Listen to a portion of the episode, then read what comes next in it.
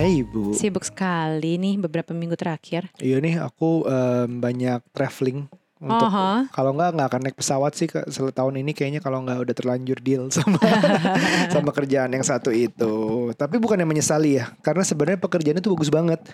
Bagus banget, aku Iya. enjoy banget. Tapi bagian adalah eh, sedikit worry-nya karena keadaan di luar sana. Iya, karena worry-nya itu ya. Jadi Ah, ah. kayaknya mempengaruhi performance kerjaan dan totalitas kerjaan kali ini. Iya? Iya, sebenarnya aku udah berusaha banget total, tapi kayak selalu ada, aduh, pengen banget nih ngomong sama peserta-pesertanya ngobrol, chit chat gitu lebih deket, lebih lama. Hmm. Tapi, hmm, tapi resiko, tapi, tapi, Iya, tapi, iya, tapi, iya. tapi, gitu. Dan sebelum sampai situ, nah ini tuh di Instagramku lagi banyak banget yang ngebahas soal K-drama, drakor-drakornya startup itu loh. Kita mau ngomongin itu hari ini. No, tapi karena aku juga nggak nonton, Belum, mungkin belum. mungkin belum ya. eh, dan itu tentang startup dan kurang lebih aku udah dengar-dengar lah. Mm-mm, eh, ada apa namanya tim-timan. tim-timan dan lain-lain. Nah, eh, aku sendiri kan sebenarnya bekerja se- ya ngebangun satu startup ini kan yang Parent Talk. Tiga Jadi, tahun loh udah. Tiga tahun. Jadi pengen tahu sih sebenarnya kalau dari kamu mungkin udah lebih dulu kan ya Iya. di perbisnisan dan Mm-mm. selama sebelum aku punya parent talk aku sih ya udah aja gitu kamu kerja apa ya udah aku kan nggak ngerti-ngerti banget tapi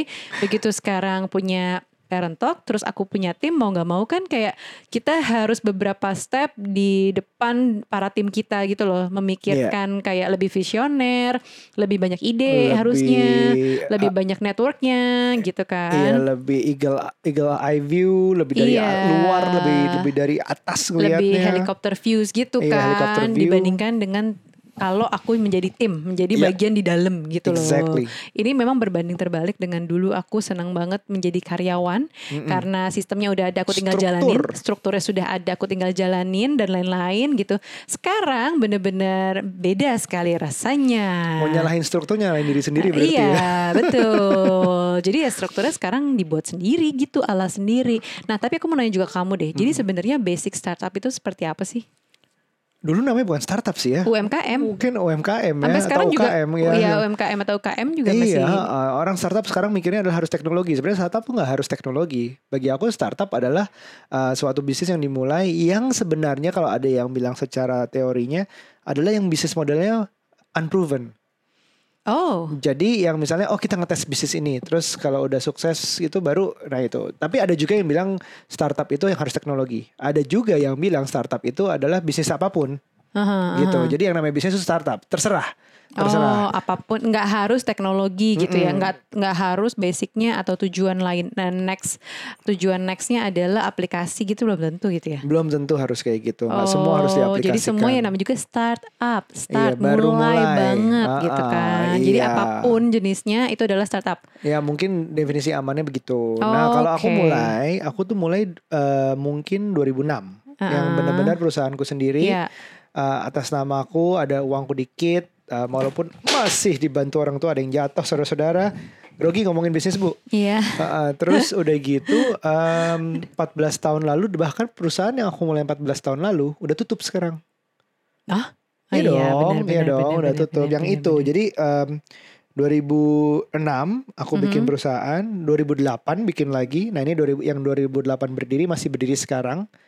2009 apa 10 tuh juga tahun berapa sih? Koma aku jadi jadi lupa. 2012 ya. lupa. 2012, 11 kayaknya. 11, 12 itu juga bikin lagi. Mm-mm. dan itu juga udah tutup dalam waktu tiga setengah tahun.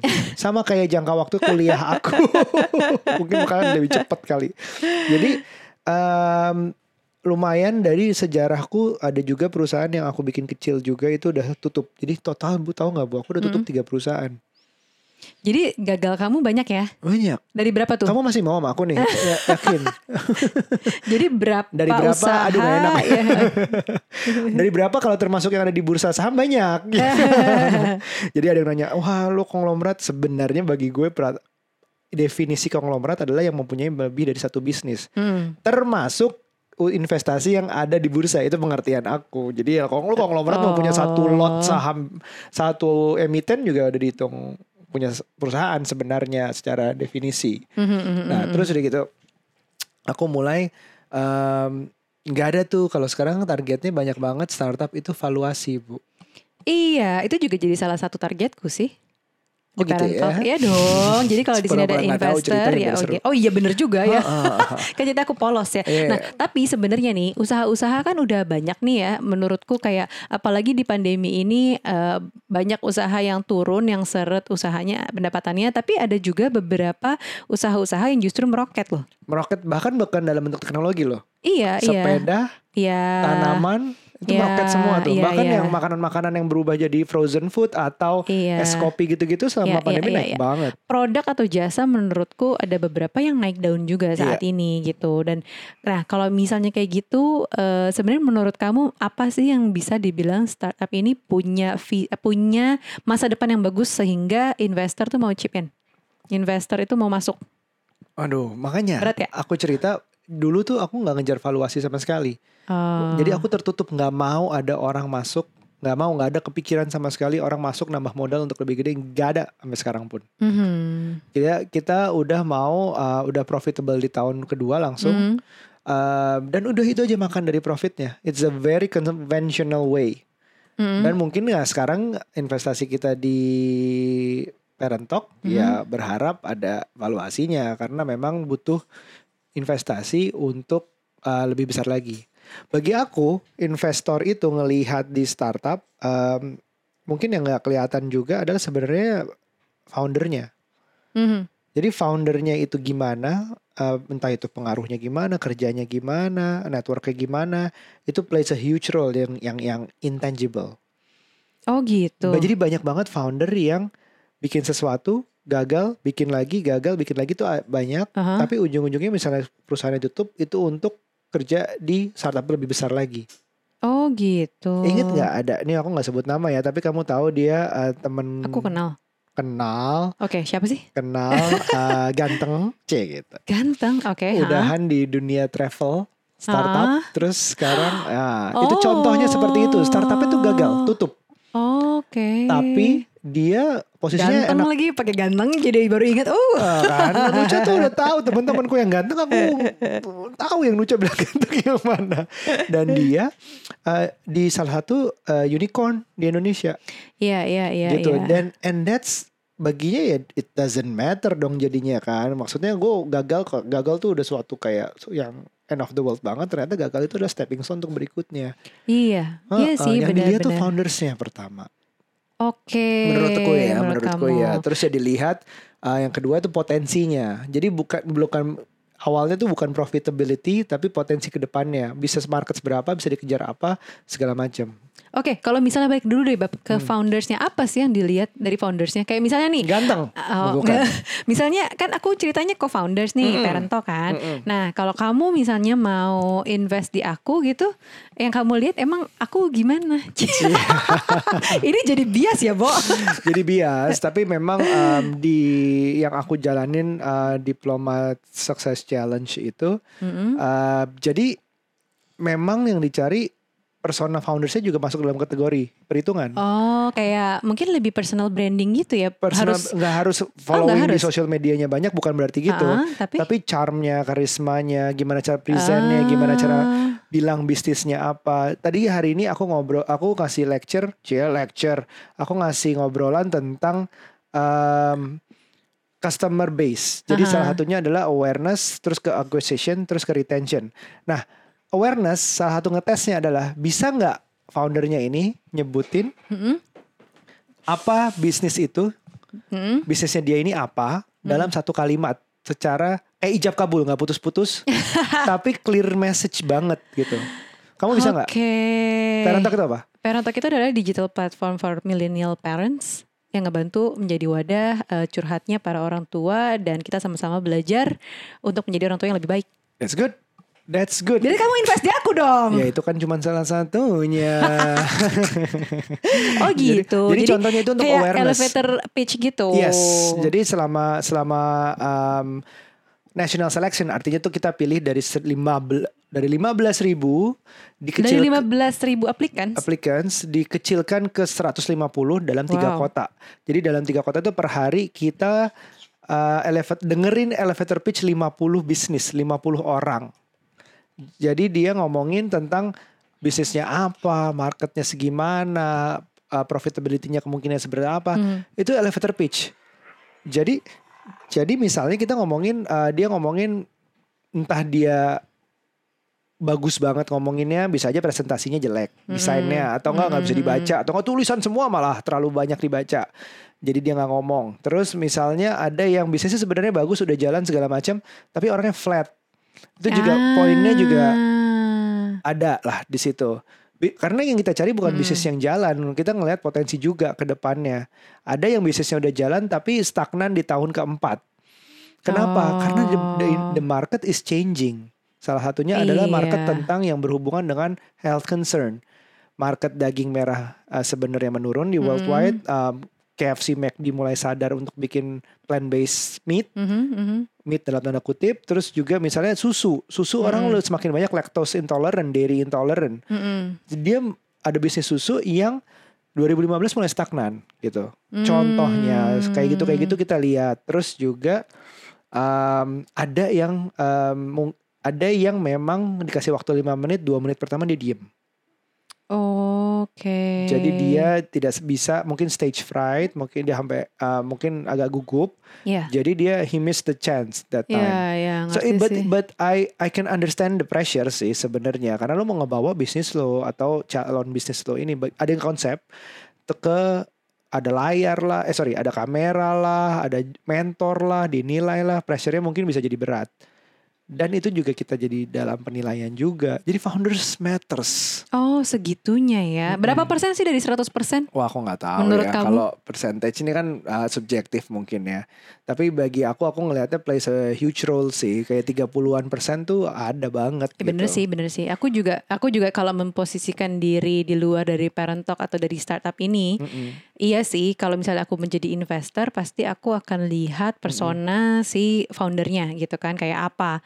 Memang sih, eh, kayak personal branding tuh penting. Eh, mungkin kalau sekarang karena aku dunianya konten ya di parent talk, jadi aku ngelihat konten fitnya aja dulu. Rapi Iya. apa enggak, terus punya taste apa enggak. Karena selera tuh nggak bisa dibeli. Jadi Iya. kayak selera foto, selera caption, selera kontennya, dan IG story yang kayak apa. Bisa nggak sih dia storytelling? Bisa nggak sih dia share eh, kepintaran dia atau kayak knowledgeable nggak sih dia untuk bisa menyampaikan? Kadang-kadang menurutku nih, ini sorry ya, eh, banyak sekali orang-orang pinter Mm-mm. tapi cuman live in their own bubble. Iya. Jadi kayak cuman mungkin gini, kayak seneng baca gitu ya. Mungkin dia bookworm banget, tapi nggak bisa menguraikan, nggak bisa share ke orang-orang. Iya, makanya Gitu. kayaknya um, misalnya kita punya pemain basket terhebat Michael Jordan atau LeBron James, punya pelatih semua kan. Mm-mm. Jadi justru uh, kenapa dibilang kalau pelatih berarti lebih jago dong daripada talent utamanya gitu. Mm-mm. Kenapa nggak dia aja yang jadi main segala Iya, iya. macam? Ya karena ngelihatnya dari luar. Karena mungkin salah satunya lagi juga dia nggak bisa yang pemain paling jago ini mungkin nggak bisa ngelatih belum tentu. Heeh. Di bola pun jarang pemain yang waktu main bolanya jago jadi pelatih. Hmm. Jadi somewhere someone to tell a story, someone to send a message, deliver a message itu juga skill tertentu lagi dan itu penting buat iya founder-founder. sih, bener-bener. Nah selain kayak konten atau personal branding mereka, tapi memang kita lihat kemampuan dia bicara. Diajak Iya. ngomong tuh enak nggak sih? Betul. Kadang-kadang ada orang yang diajak ngobrol, ditanya jawabnya muter-muter, males Bisa, kan bisa. gitu. Tapi ada juga yang jawabnya straight to the point dan flat. Tapi ada yang juga suka mungkin bluffing kali ya atau Hmm. Bisa jadi. gimana gitu. Mungkin jadinya tipe-tipe orang tuh di di sisi karakter nih penting banget ya kalau mau buat buat Ah, ada pitch-pitchan ini Nah, gitu ini kan kali kalau ya. untuk pitch itu, tapi jangan lupa juga kalau in real life biasanya ada yang Hmm. namanya partner. Iya, Nah, iya, iya. melengkapi gitu. Ah, Misalnya kamu merasa benar. kurangnya apa nih? Dilengkapi oleh partnermu itu. Dan partner itu penting dalam Ah. melengkapi dan juga penting untuk banter. Kayak misalnya eh, yang menyanggah, berani menyanggah bahwa lo tuh salah, lo tuh ini gitu. Nanti tapi diskusi secara sehat segala macam. Dan punya ownership Ah. artinya sama-sama punya hati, punya put your mind, body and soul into the business juga sama iya, gitu. punya Entah- waktu, jangan cuma titip Exactly. duit doang gitu ya. Jangan cuma titip duit doang, jangan cuma titip ide doang tapi nggak Dieksekusi. Idenya nggak executable bahkan gitu itu juga Ah, bisa. Iya sih, iya benar-benar benar harus mau benar-benar eh, apa namanya eksekusi apa yang ada di jadi ide-idenya gitu ya. Iya. Iya sih, karena Sayangnya dan, di dan kompetisi ini nggak bisa part, apa berduaan uh, Part- tampil oh, gitu. cuma salah satu Uh, biasanya ya Biasanya satu, co-foundernya? satu doang emang emang satu doang. Oh emang satu doang, iya iya iya iya ya, menarik sih gitu. Tapi Jadi dia memang menjelaskan timnya, sorry, aku potong lagi. Ah. Tapi dalam satu satu slide-nya dia harus menjelaskan timnya apa. Jadi cara dia ngebawa partnersnya itu juga kita lihat.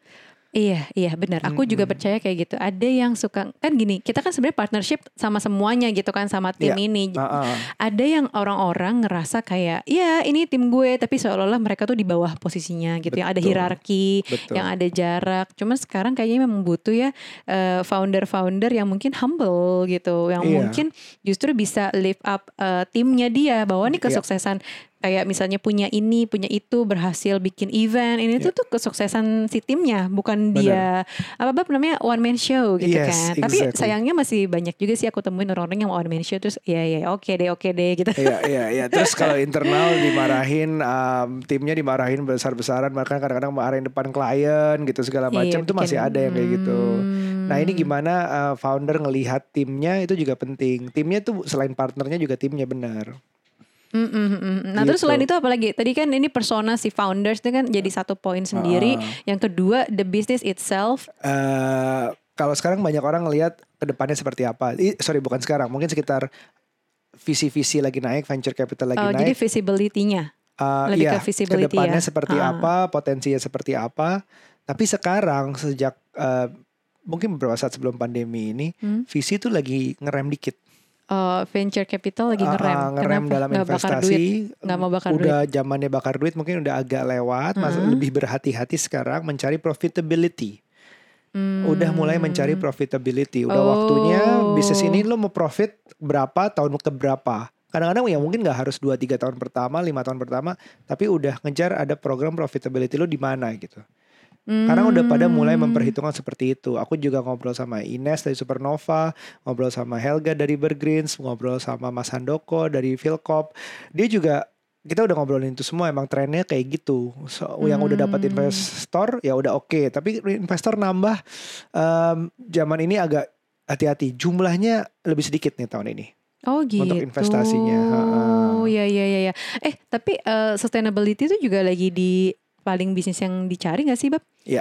Ya gak sih kayak eh, apa namanya bisnis-bisnis yang lebih ke ramah lingkungan. Social yang- impact. social impact sorry. Benar, benar. Bisnis dengan social impact entah itu ramah lingkungan, entah itu uh, peduli dengan fair trading misalnya, Mm-mm. atau enggak uh, kesetaraan gender segala macam. Bisnis bahkan bisnis pun udah woke gitu. Jadi sustainability misalnya renewable energy lah, yang atau misalnya daur ulang lah, recycle things, uh, entah itu sampahnya sendiri atau bahkan untuk kain perca dibikin jadi kain lagi untuk dibikin desain yang lebih baik, kayak segala macam lah berhubungan dengan itu banyak banget sekarang. Oke, nah berarti kan nih sekarang kamu nih tadi menceritakan soal eh, indikator-indikator yang kamu pilih eh, menjadi apa? Eh, ini kamu sebagai juri. Nah, setelah menjadi juri, kamu nih menjadi apanya mereka? mentor. Sebenarnya dari awal mentor. sebenarnya mentor, tapi kegiatan menjurinya tuh ada. Hmm. Ini aku mungkin kalau ada teman-teman challengers yang dengerin yang nggak keterima, nggak lanjut maksudnya bukan nggak keterima, sebenarnya bukan karena bisnisnya nggak bagus, Aha. karena bisnisnya memang sudah perform ada yang udah profitable segala macam. Tapi ada hal macam-macam yang kayak seperti selain mungkin um, presentasinya flat ada atau misalnya um, ada yang salah lah menurutnya menurut kita sebagai mentor dari penyampaiannya. Tapi juga ada yang sebenarnya mentornya nggak bisa bantu gitu. Industrinya terlalu jauh dari aku. Aku ada beberapa yang kayak gitu. Jadi aku kasih aku kasih X merah gitu. X merah tuh artinya Hmm. kayak ditolak lah gitu nggak Oke. lanjut. Nah itu eh, dia harus mencari X kuning dari mentor lain. Jadi memang aku nggak bisa bantu yang berhubungan dengan daur ulang gitu-gitu. Aku nggak siap. Hmm. Soalnya aku nggak punya apa-apanya. Nah kayak Ines gitu punya pengetahuan, dia akan pilih yang berhubungan dengan itu gitu. Jadi buk- jangan berkecil hati bahwa bilang itu adalah nilai bisnisnya jelek. Bukan. Mentor nggak bisa bantu aja bisa jadi gitu. Oke. Habis ini aku Ha-ha. ah, kemarin tadi ada ngasih kelas tentang Ah. customer base.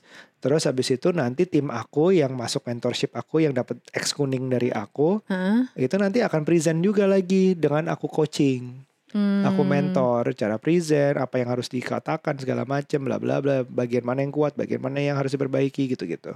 Oke, banyak juga ya. Nanti men- yang menang kan tapi pengalamannya berharga banget Bu, dapat mentorship, Ha-ha. dapat inkubasi. Mentorshipnya berapa lama? Eh, tiga hari ini di Jakarta. Nanti Mhm. habis itu hari Jumat kita ke Bandung atau mereka duluan mungkin. Mm-mm. Habis itu ke Jogja, Surabaya. Terus finalnya di Surabaya itu.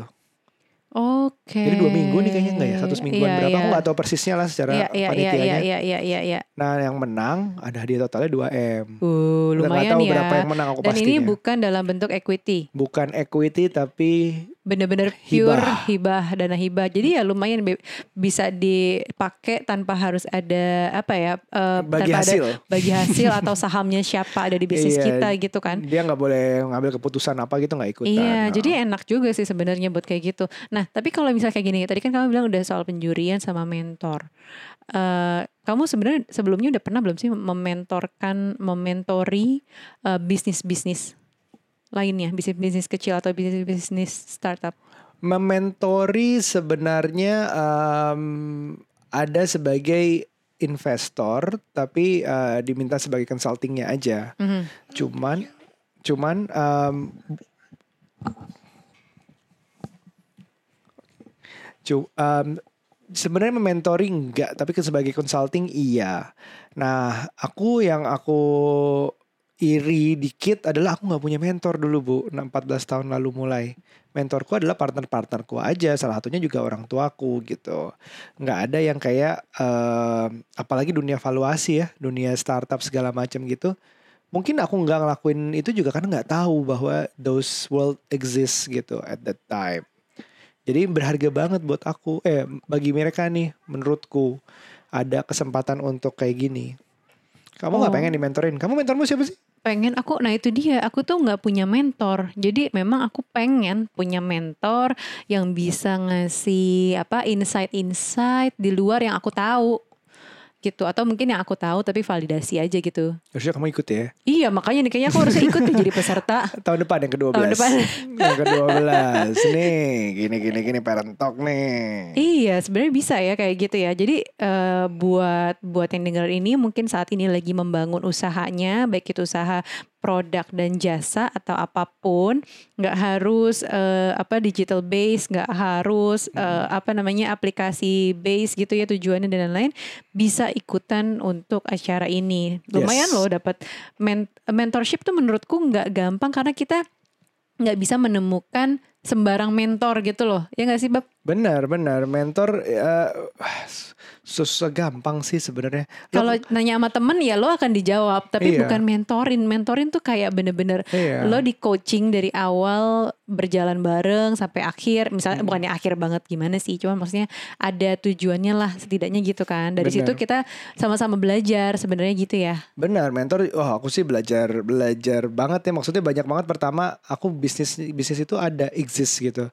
Ada beberapa em, bisnis yang aku nggak tahu. Oh, ada tuh bisnis kayak gini. Oh, gitu tuh. Oh, jadi ini ada mafianya tuh.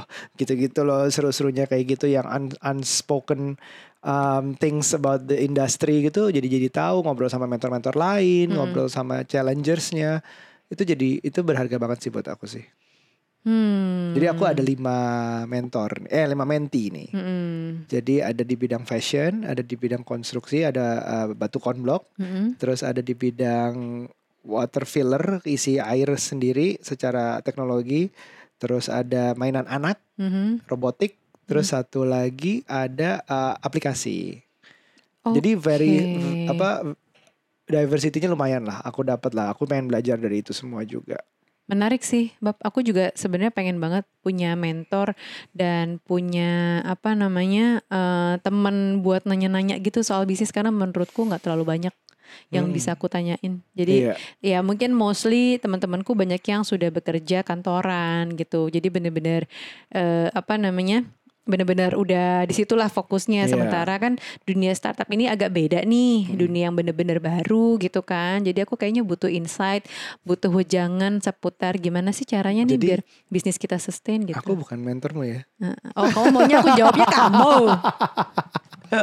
Enggak, gue gue sebagai mentor Nunca juga nggak berani. Pertama, um, I'm an investor juga. Nunca sering nanya ke gue, cuman, aduh nanti bias banget. Ada Iya biasnya, sih. terus ada takutnya si udah suami gitu ini. partnernya partnernya aku di Parent Talk temen kamu lagi ya Temen Bab juga lagi, aduh. jadi kayaknya bingung deh Arya jawabnya kalau gue nanya But I think he's our mentor juga sih. untuk Iya gue. sih, benar-benar, Dia, dia benar. banyak banget, banyak banget mentoring aku dan kamu juga gitu. Jadi iya it's, in a way he's our mentor. Mungkin nggak kayak intens setiap hari gitu. Uh, uh, nggak coaching sih Tapi he's done a lot for us. Yes, yes, yes, yes. Gitu. Betul. Nah gitu itu gimana ya kalau kita ngobrol bisnis gini aneh gak sih kalian dengernya? Tapi Enggak sih, tapi aku sih senang-senang aja karena kadang-kadang butuh insight soal bisnis di luar karena kita suami istri, Bab. iya pengen sih. Nah kalau ada yang denger sini denger ini mau mentoring Nucha, wah Nucha mencari mentor. Judul judul podcast ini gimana?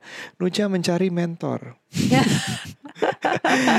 Oke, um, sekian dulu mungkin itu sedikit kita ngobrol tentang bisnis karena kita berdua sama-sama bisnis. Kalau aku baru lah anak bawang tiga ya kan. tahun delapan ratus Tapi kan ribu. aku cuman baru satu bisnisnya. It doesn't matter. It's still a business. It's still your baby. Iya, iya, iya, Kadang-kadang iya. satu itu ada lebihnya adalah berarti fokusmu ke situ gitu. Jadi kayak it's all in for you. Mhm, Sedangkan kalau yang udah banyak udah semakin susah. Fokusnya ke pecah-pecah. mhm. Bisa aja yang satu terneglect terus segala macam lah. Iya Gitu. betul, ya sih, ya sih. Nanti pengen ah, aku pengen ah ngambil atau apa namanya cari yang sekolah-sekolah atau workshop atau course yang buat startup gini. Tukar dengan endorsan gitu. Enggak lah. Ogah. Oke. Oke. Ah, semoga menikmati obrolan ini santai aja sampai ketemu di episode berikutnya. Bye. Bye.